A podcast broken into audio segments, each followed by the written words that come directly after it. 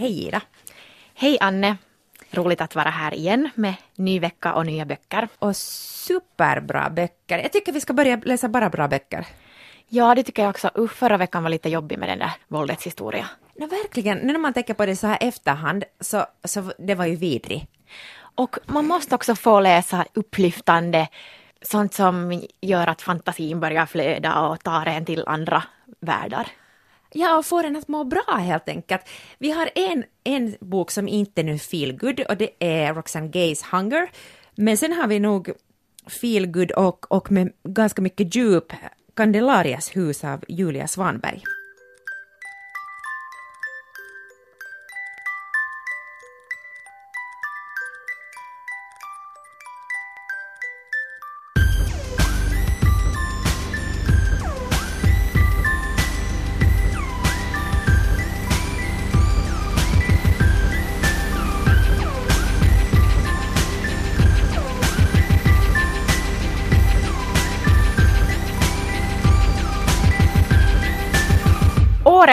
Bästa bok skulle jag hävda, Kandelarias hus. Så jävla bra! Alltså Julia Svanberg är en svensk tjej som flyttade till Colombia när hon var ung och hon har haft en blogg som heter Mammas machete och hon bodde där länge och eh, skrev om livet på den colombianska landsbygden. Den här boken är helt, helt fiktiv, en fiktiv roman men man märker nog liksom att hon känner till det hon skriver om och den här kärleken till Colombia, kärleken till de här människorna som lyser så starkt genom hela, det är liksom en varm bok. Man känner solen på sin hud och man känner doften av jord. Jag skulle vilja gräva där i den där röda myllan. Okej, okay, den här berättelsen handlar då om en, en kvinna och hennes lilla barn som flyttar in i den döda Candelaria, en gammal kvinna som hette Candelaria, eh, har dött just när de kommer till den här lilla byn och hon köper hennes hus och får på köpet den här gamla kvinnans kaffeodling och så blir de där och bo och leva i den här lilla colombianska byn. Mm. Samtidigt så beskrivs hela Colombias våldsamma historia med inbördeskrig mellan gerillan och, och militären. Och, och, allt det här skildras liksom via via hennes grannar, via hennes vänner och det här person, ljuvliga persongalleriet som målas upp. Det är så vackert och det eller man kommer liksom så nära det där livet där. Men det är ju inte alls något så här glorifierande eller exotifierande, utan det, det är egentligen ganska sjaskigt där. Det är, det är jobbigt och äckligt och hon... Det finns en scen som... som jag, jag tänkte, hur, hur, hur skriver hon om det här? För att den är liksom viktig och så äcklig och det handlar om det att det finns ingen sophantering på det stället var hon bor. Så kvinnorna bränner upp sina mensbindor en gång i månaden. Och det kan ta en hel dag och det är ju giftigt att bränna plast. Och det är som så otroligt äckligt att, att de måste göra det. Och fel. Och sjaskigt. ja, och överlag att de måste leva så att de har så... Det finns ingen sophantering så allt rosk, allt plast som finns blir liksom kvar. Det finns ingenstans att göra sig av med det. Så de blir ju jättenoggranna med att man har sin olja i några små påsar och, och liksom köper allting. Det finns inga plastförpackningar. Och bara det här. Och att de där husen är gjorda av lera och sen när det kommer äh, jordbävningar så är hon varje gång livrädd att hennes barn ska bli krossat. Och det är helt en reell fara att det, det är möjligt? Ja, men att sen, sen liksom att hon har ju ändå valt det medan de där andra bara existerar jag tänkte just säga exakt samma sak som du! Är det sant? Exakt samma sak, okej. Okay. Ja, hon, liksom, hon är så medveten om sin position hela tiden. Det tycker jag är den allra största styrkan i den här boken. Att hon hela tiden visar var hon ligger och från vilka utgångs, vilket utgångsläge hon kommer gentemot den här lokalbefolkningen. Och det komplexa och problematiska också i det. Att hon har möjlighet att välja det här livet fast hon inte alls är liksom, inte hon någon slags, det är inte någon sån där upplevelseturism utan, utan hon helt på riktigt vill bo där och, och är, blir en del av det där samhället. Men ändå, eftersom hon är vit västerlänning, så hennes position beskrivs superfint. Ja, hon ifrågasätter nog sig själv. Att varför utsätter hon sig och sin son för fara? För att det är helt faktum att det är väldigt farligt att vara. Och sen att varför gör hon så här? Och att, att exotifierar hon när hon kommer dit, så där, wow, att nu kommer jag hit och leka kaffebonde. Till saken hör att hon har det ganska knapert när hon är där. Hon, kommer inte, hon har inte någon sån där fond i fickan, eller vad det nu heter. Hon är, hon är ganska fattig, men och hon vet om det, det är självvald fattigdom och självvald fattigdom går inte överhuvudtaget att jämföra med, med riktig fattigdom. Det är lite som, det är lite som när jag var, det var lite som när jag studerade, då hade jag som de flesta andra väldigt lite pengar. Men jag visste ju hela tiden att jag kan när som helst gå till båten och börja städa vässor, vilket jag också gjorde. Och det är något helt annat. Inte, inte det är roligt att gå där och inte ha råd att köpa mjölk, men det, är liksom, det går inte ens att prata på samma dag som fattigdom. Så hon, hon förstås ifrågasätter sig själv nog hela tiden. Och det, det, och det är viktigt, annars skulle det här bli äckligt. Hon förenklar inte. Att det finns hela tiden de där, ena sidan och andra sidan. Och just den här, äh, vet du, nykolonialismen den vita kvinnan som kommer dit till byn och sen symboliskt dessutom hämtar med sig, där finns ett, en, ett spår som handlar om liksom kapitalism och hur det finns vissa krafter som vill kapitalisera på det här området och uh, deras vattenverk till exempel som ska säljas, kommersialiseras. Och uh, en västerlänning som vill bygga en sån här sommarsemesterby där i området och hur hon liksom symboliskt bidrar till den här förändringen och, och har superdåligt samvete över det men ändå liksom inte kan frångå det där riktigt. Alltså, det är så intressant för att utan någon sån här faktaruta eller pekpinne så diskuterar hon hela den här eh, blodiga historien som har varit i landet. Och, och jag tycker också att över hela berättelsen så ligger det ett sådant hot ett tungt hot över det där att vems är marken egentligen? Hela det här inbördeskriget handlar väldigt långt om kamp mellan liberala och konservativa. Konservativa ägde marken och sen bönderna som faktiskt brukar marken var helt, ägde ingenting. Och um, det inbördeskriget började slutet på 40-talet, officiellt slut, i slut ungefär tio år senare, men det är inte alls sant, det har pågått ända sedan dess. Och eh, eh, då var det också så, när man funderat vad har Farcgerillan allt att göra med det här, så det knarkpengarna har alltid stött eh, de liberala och därför så har bönderna på något sätt, de har måste välja mellan två onda ting, liksom ofta eh, konservativa då som kapitaliseringen och, och, eller sen det här knarkfanskapet um, som har velat vara med och befria bönderna och hjälpa dem. Och till exempel hon köper det här huset så vet hon nog inte ändå riktigt att finns det papper på att det här på riktigt var Candelarias hus och är det nu hennes för att många av de där bönderna eh, äger inte, det finns inte riktiga papper på att det är deras mark egentligen. Och de är extremt fattiga. Där är till exempel många som, kaffebönder som skulle vilja ha de här fair trade-markeringarna på sina kaffeprodukter och så vidare. Men de har inte råd att köpa den här um, stämpeln. Det är för dyrt.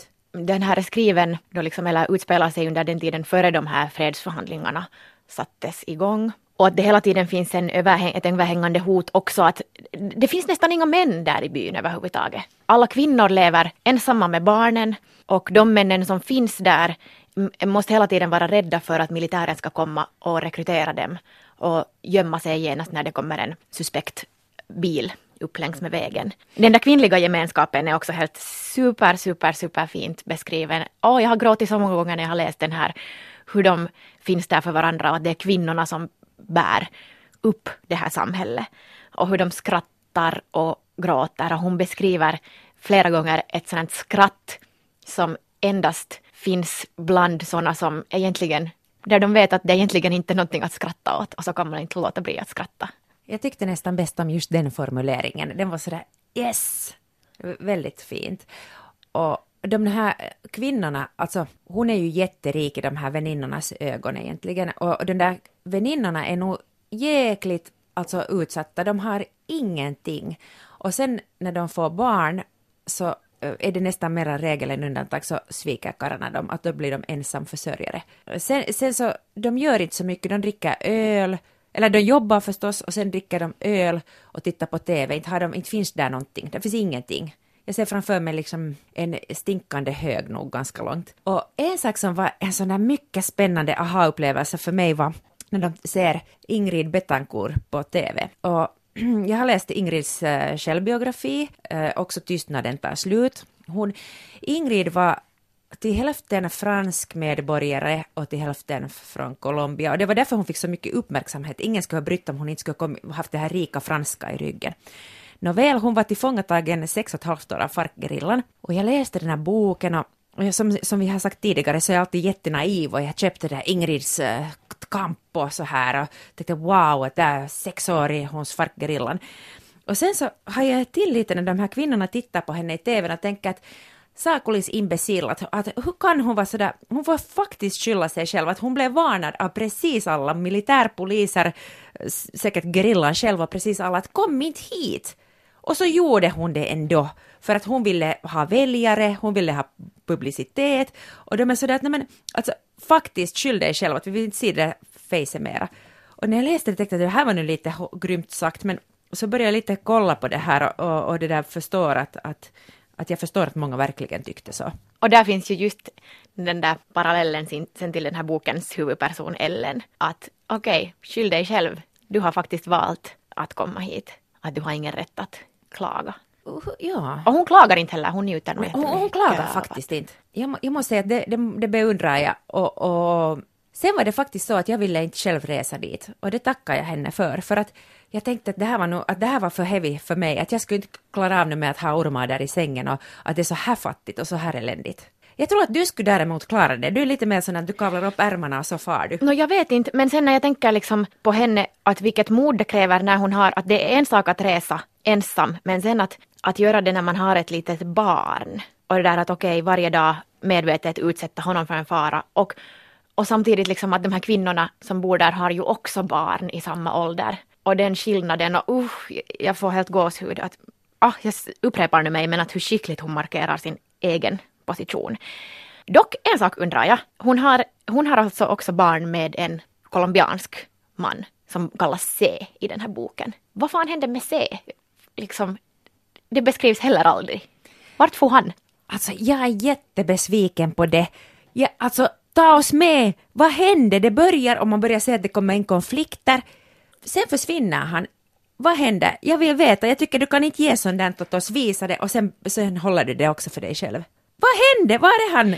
Jag vill veta. Hon har ett sätt att skriva där hon äh, i varje kapitel äh, så att säga äh, liksom nystar upp det som sker. Att hon berättar inte genast vad som händer. Handlingen kommer inte i en kronologisk ordning. Utan i varje kapitel får vi så småningom reda på, via till exempel personers reaktioner eller via någonting annat, får vi reda på först i slutet vad som har hänt. Så jag tänkte att den här storyn, den här kärlekshistorien också skulle nystas upp på något sätt genom hela boken, men det gjordes aldrig. På sätt och vis är det också skönt att för att det finns så hemskt många romaner där man ger plats åt den här frånvarande mannen.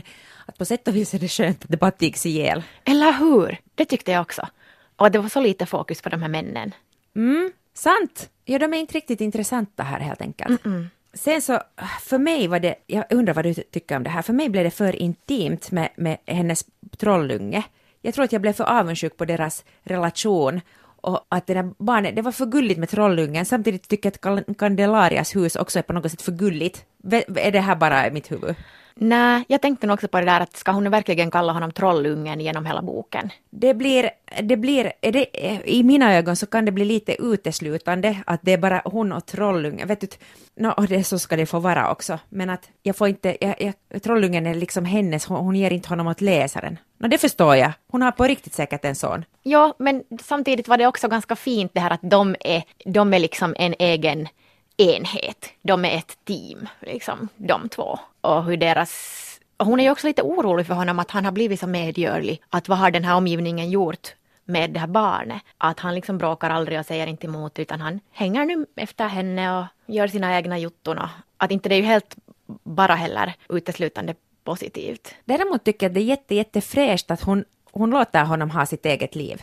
Vet du, att, att han är en egen person nog. Men jag, jag, jag vet inte. Jag, jag tycker att Trollungen, sådana smeknamn kan bli liksom lite uteslutande ibland. Sen så, det var nog något ändå i mig som inte som var liksom lite missunnsam att, att hon får på det stora äventyret. Jag märker att jag nog läste väldigt avundsjukt. Lite sådär, hur ska jag säga, att om hon skulle gjort något fel så skulle jag nog gladeligen ta fast henne snabbt. Att nu exotifierar du, nu gör du sådär, nu gör du sådär. Men det gör hon ju när hon till exempel säljer de här fotona Sant. Men där förlåter jag, okej, okay, okej. Okay. Mm -hmm. Men för hon vet ju själv att hon gör fel. Hon hittar de där felen nog före någon annan. Mm. Men, Men det, hon är nog typiskt svensk också, sådär jättepolitiskt korrekt. Men det tycker jag att är styrkan i den här boken. Jag visste inte att kaffebönor smakar som geléhallon.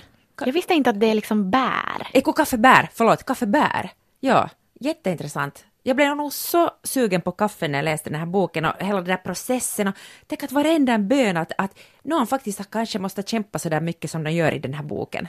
Och den där paniken när de hittar, när hon tror att hon hittar en kaffeborre. Ja. Att åh, då är hela skogen förstörd. Hur du är på, liksom lever i sån symbios ändå med naturen. Men, men inte fick jag nog heller liksom riktigt lust att själv leva där. Nu är det ganska tufft liv. Jag hoppas att hon kommer att skriva mycket, mycket, mycket, mycket mera. Hon har nog ett språk som är, hur ska jag säga, det här är en, det här är en feelgood bok och ofta kan de vara lite platta, det är lite endimensionellt, det är lite karikerat. Och det, det är inte den här, utan den är mångfacetterad. Den är inte överdrivet poetisk på något sätt, men, men den är här finns nog något speciellt som höjer sig lite utöver det vanliga. Årets bästa bok enligt mig. Jag skulle, ja, jag, jag, jag, skulle, jag skulle kunna... Det här är en bok som jag gärna ger åt vidare, ja, men det är inte ens min bok, men, men symboliskt, för att bra bok.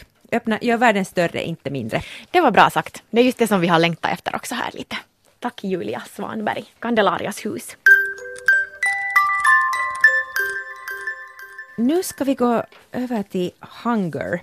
Hunger. Nåja, det här har vi också väntat på redan länge. Roxane Gays nya Roxane Gays memoarer kan man säga. Vitsig hon är produktiv. Alltså herregud hur hinner hon skriva så här mycket? Men hon är en besatt människa. Alltså hon är, hon är, hon är galen i bästa meningar. Jag tror att hon är... Äh, boken börjar med det att hon är på en sån här läger där man ska göra sån här, inte bypass, utan sådana här magsäcksoperationer. För att hon har blivit så enormt tjock att hon, nej men måste jag säga det sådär, enormt tjock hon har blivit så tjock att man, man, är rädd att hon ska dö, att kroppen inte håller det mera. Och på det sättet när jag ser att hon är en besatt människa så hon har också ätit på ett besatt sätt för att bli 577 pounds stor, som hon var som det största. Och det är äh, stor skillnad på att, att väga 100 kilo eh, och att väga 200 kilo.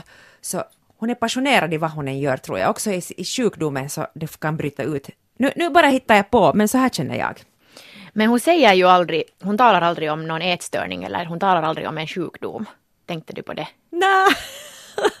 att jag vet inte om hon, är hon själv medveten om att hon har en ätstörning? För att hon talar alltid om den här sin fetma liksom som ett medvetet val. Eftersom hon, hon nystar jättemycket upp ett, när hon blev våldtagen, gruppvåldtagen som tolvåring och det här är helt fruktansvärda scener. Och det är jätte, jättefint att hon så modigt liksom öppnar upp det här. Och sen att hon som en, som en reaktion på det har medvetet börjat äta massor så att hennes kropp ska bli så tjock som möjligt för att hon ska kunna skydda sig. Både för att hon liksom symboliskt ska ha en mur runt sig själv men också så att hon ska bli frånstötande så att det här inte ska kunna äh, ske på nytt, det här övergreppet. Och här kommer nu min första mm, fråga. Att det är ju jättesällan som ätstörningar har en så här tydlig orsak. Ja. Att liksom det känns så, jag vet inte, att är hon så mitt inne i den här processen ännu själv eller hon är så, vet du, att, att så tydligt visa liksom orsak och verkan. Det känns konstruerat och jag vet inte.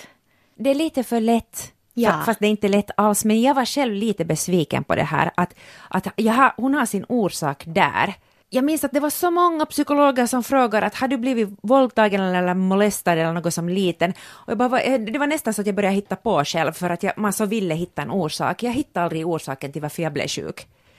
Men att det på något sätt har varit sånt. Och, och sen också när jag blev tjock så var folk sådär att är det nu för att du vill vara osynlig och skydda mig själv? Och jag kunde, jag funderade mycket på det, jag läste den här Susie Orbachs Fat is a feminist issue och där handlade det just om att hur man det, det som hon ger, Roxane Gay ger som förklaring. Och jag tänkte hela tiden flera gånger att har jag nu ätit mig stor medvetet eller omedvetet för att göra mig oskyldig, men jag kunde aldrig köpa det.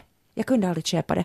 Men trots det så tycker jag att den här våldtäkten skildras i all sin komplexitet i eftersviten av allt som hände så är hon också att hon skriver där ute i diskursen om sånt som man egentligen inte kan skriva om. För det är för skamligt, det handlar om ens egen skuld, det är som så äckligt att ta i, att jag typ beundrar henne för att hon får ord på de här. Och sen också på den här hetsätningen att hon kan skriva om det, för det är äckligt att till och med läsa om det. Hon bara sitter och äter och frossar och äter och det är på alla sätt obehagligt. Och, och hon beskriver också sin kropp så, så, ja, hon, är, hon lämnar ut sig själv väldigt mycket och sina erfarenheter på ett sätt som jag tycker ändå är frigörande. Det är sant. Det är sant, hon har något, och för att hon är en så säker äh, stilist liksom och hon kan leka med det där språket, att hon har det verkligen. Vi har läst den på, på engelska. Och det här får mig att önska att engelska ska vara mitt modersmål. Alltså det är, det är så vackert. Sen skulle jag vilja att alla skulle läsa den här för att få veta hur det känns att ha en tjock kropp i världen.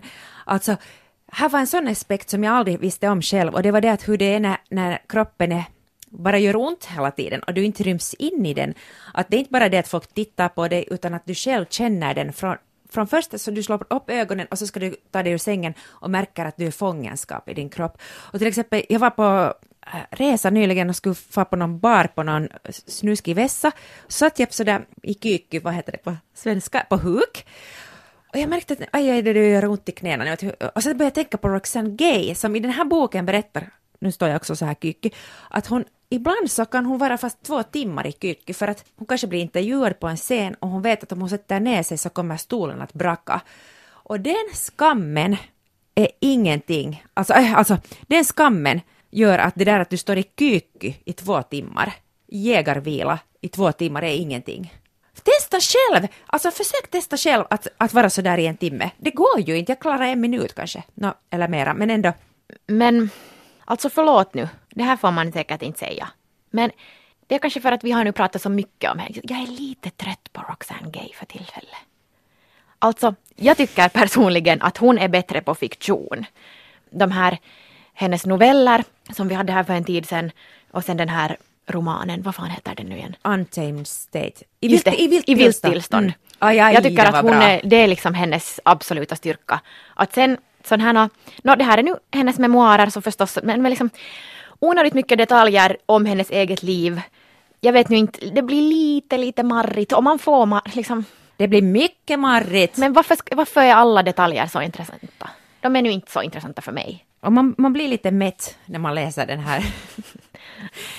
men vet du hur vi, alltså, jo, jag, tyvärr håller jag med, men det här är så viktigt att, och det här är så modigt och det här är så fint. Och jag tycker att, att det modigaste en kvinna fortfarande kan göra är att vara tjock i den här världen och, och ta plats. Och det som jag tycker också är fräscht att, att i den här tiden av body acceptance så hon, hon inte accepterar hon sin fetma. Hon säger också att hon önskar att hon skulle kunna vara en bra feminist som skulle vara okej okay med sin kropp, men hon skulle, hon skulle väldans gärna vara smal, förstås skulle hon vilja det. Och det är så fint bara att hon erkänner det. Det är sant, och det var hon ju inne på redan i den här Bad Feminist, att man kan vara komplex och att bara för att man är feminist så behöver inte alla ens tankar eller handlingar vara feministiska. Och att, att hon behöver inte älska sin kropp. Inte älskar hon sin kropp. Nej, varför Fast, skulle hon? Ja. ja. Överlag så måste man inte älska sin kropp. Det, det, det var nog befriande att någon vågar säga ja, det.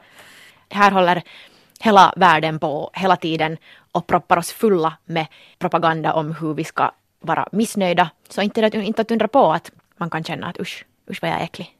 Men när, vad, vad känner, nu hoppar jag lite, men vad känner du när hon beskriver sin hetsätning? Jag, jag kan känna igen det och jag kan... Uh, jag vet inte, men det som jag kanske känner främst är att jag tycker att hon inte har riktigt tillräckligt mycket distans till sitt ämne att eftersom hon är så inne i det här och jag som själv har en ätstörningsbakgrund tänker att det här är att man är liksom, no, det finns olika sidor på det men att det är jättebra att man visar det och hon gör det väldigt, väldigt skickligt i all sin komplexitet men samtidigt kan det också vara om man skriver om det medan man är så inne i det, liksom att hon, att det, kan, det är lite farligt också. Ja, det är ju missbrukshistoria, men hon, hon beskriver inte det själv som sådan, utan den stora grejen här är ju då den där våldtäkten. Alltså det är som att hon tar, jag vet inte om man kan säga sånt heller, men att hon ser inte sin egen del riktigt i det där ätande. Hon, ser, hon, hon vill inte se sig som ett offer, men det är nog en liten, det blir en offerhistoria. Och, och det är helt okej väl att vara offer också. Förstås. Men hon är så, helt som du säger, hon är helt mitt i och också med den här våldtäktsmannen. Jag vet inte hur mycket vi ska lämna ut nu för att vi måste hålla lite spänning, men, men man märker att den här historien med den här våldtäktsmannen är verkligen eh, inte alls eh, avklarad, utan det kanske ännu händer någonting där följande steg. Uh, det är mycket möjligt att den här våldtäktsmannen läser den här boken också Och, och, Det är nog jättespännande hela den där. Ja, att vad, vad, vad händer då? Men många, många av mina vänner har fått, har tyckt jättemycket om den här boken och fått mycket tröst av den och fått kanske någon slags förklaringar. Hur upplevde du? No, tyvärr så kunde jag inte riktigt känna igen mig själv alls och sen, sen så fick, inte fick jag riktigt tröst heller. Alltså jag tyckte mycket, mycket om det, men det som jag tyckte om var att hon var så okonventionell, att hon fattade så spännande beslut, att hon lever ett så annorlunda liv som inte, inte det är inte det snygga livet, utan hon följer nu sin, alltså hon jobbar till exempel ett år, det var egentligen inte alls det jag ville berätta, men hon, hon mitt i att flytta hon bara till en gubbe som hon har träffat på internet, till någon riktigt tjaskig stad, och så var hon där, och sen så jobbar hon också som så här sextelefonkvinna eh, ett tag. Det tyckte jag också var ljuvligt, just den delen, de här hennes eh, förlorade år i San Francisco hos den här konstiga gubben. Aj, det var i San Francisco, jag såg för mig något helt förfärligt. Okej, du har rätt. Ja, jag tyckte det var ganska roligt att man kan ju göra sånt också som inte ser bra ut på en CV. Man kan göra sånt och sen kan man ändå bli doktor. Hon är väl doktor. Det var fint. Och att hon ber inte om ursäkt för att ursäkta nu att jag var så här sextelefonworker, utan hon, hon gjorde nu det. Jag rekommenderar fortfarande mera hennes fiktion. Min favorit var hennes uh, My Person. Hon refererar till den hon är tillsammans med som min person. Åh, vad gulligt! Jag vet inte varför det är så fint. Att hon har en sån. Ja, hon krossar nog många normer. Och bara det att hon... Men, men jag funderar också att om det skulle ha varit till exempel en, en man som har skrivit um, en självbiografi och tar så här mycket plats så kanske man inte skulle reagera ändå på samma sätt att nu, att nu finns där liksom hela att hon på så många sätt, på så många plan tar plats. Men tänk att hon orkar. Alltså det är helt obegripligt. Tänk er själva att ni, är, liksom, ni har headset i hela natten och kommer inte in i era kläder och så ska ni stiga upp på någon scen som ni kanske inte kan stiga upp på för att ni är så tjocka att ni inte orkar göra det och alla tittar på er och filmar er och, och saker kan ju hela tiden gå sönder eller spricka eller någonting. Alltså, vet du, wow, hatten av. Alltså, hur orkar hon? Helt obegripligt. Inte orkar hon väl heller, men hon måste. Ja, det är ju inte, och det är ju just det där att hon har ju inte liksom kommit, det är inte en solskenshistoria, att sen, sen blev allt bra och jag accepterar mig själv, utan att hon liksom, det är varje dag på nytt. Ja. Och det bara fortsätter. Men alltså jäklar hon är tuff. Hon går till och med till konditionssalen och, och så cyklar hon där och så står hon, tänker själva, och står ut med det där hur det alltid kommer någon välmenande och berättar aj, vad roligt, jag ser att du också cyklar. Vet du att om du också skulle äta lite mindre så skulle du inte behöva vara så där tjock. Och de här kommer hela tiden och att hon ändå orkar gå till det där förbannade gymmet. Ja, helst som hon inte skulle veta. jo, alltså faktiskt, det finns ingen tjock människa som inte vet hur man går ner i vikt. Och om det finns, så då har den större problem än sin vikt. Ja, det, det, det kan vi nu fastställa här. Susanne Ringell Appreciation Society. Ja, nu är det dags.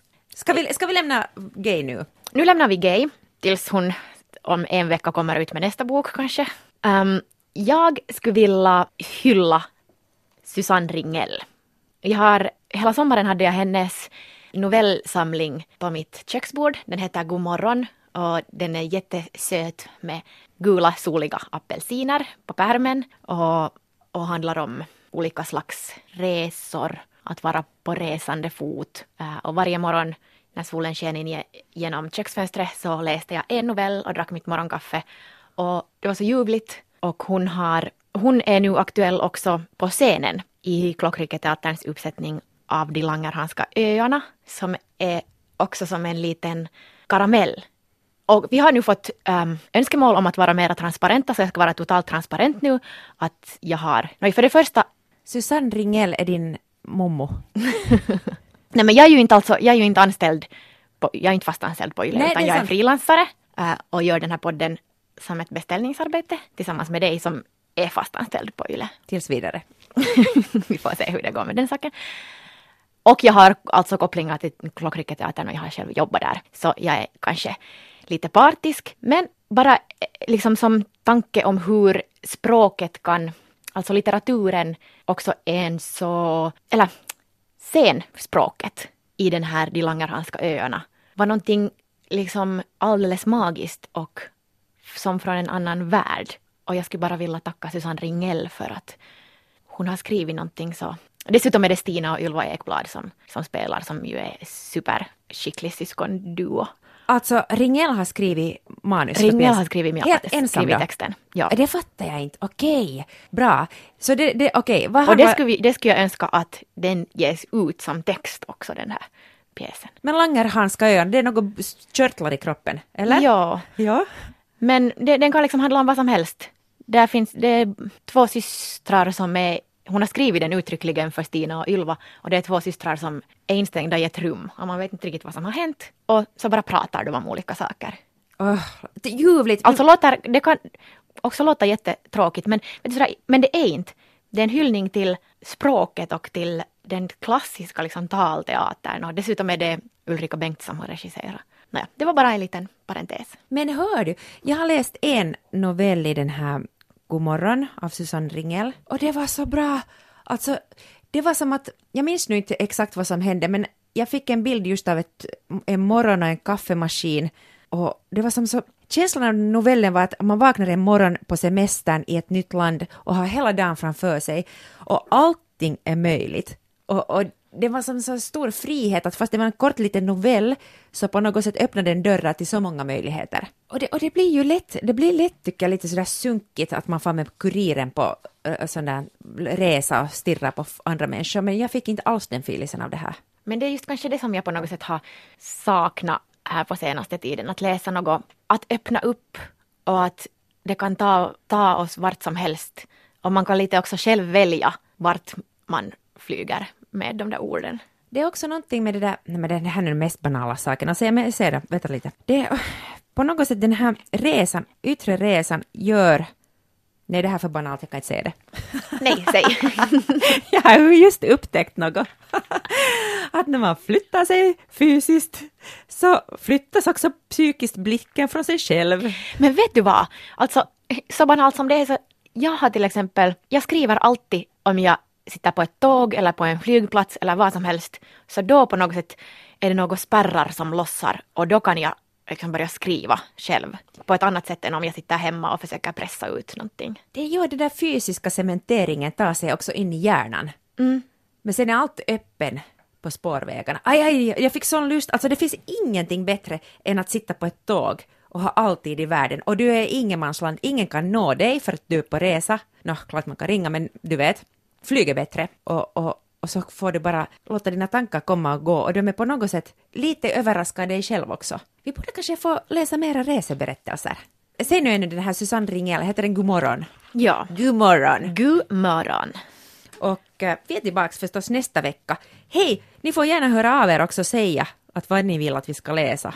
Vi kan vara era ställföreträdande läsare så att ni inte behöver tampas med onödigheter eller sånt som är helt enkelt för plågsamt. Men vi skulle också vilja läsa bra böcker. Ah, jo, jo, hellre det. Hej, tips nu på sån här bra chicklit. Orkar inte mer läsa tunga saker.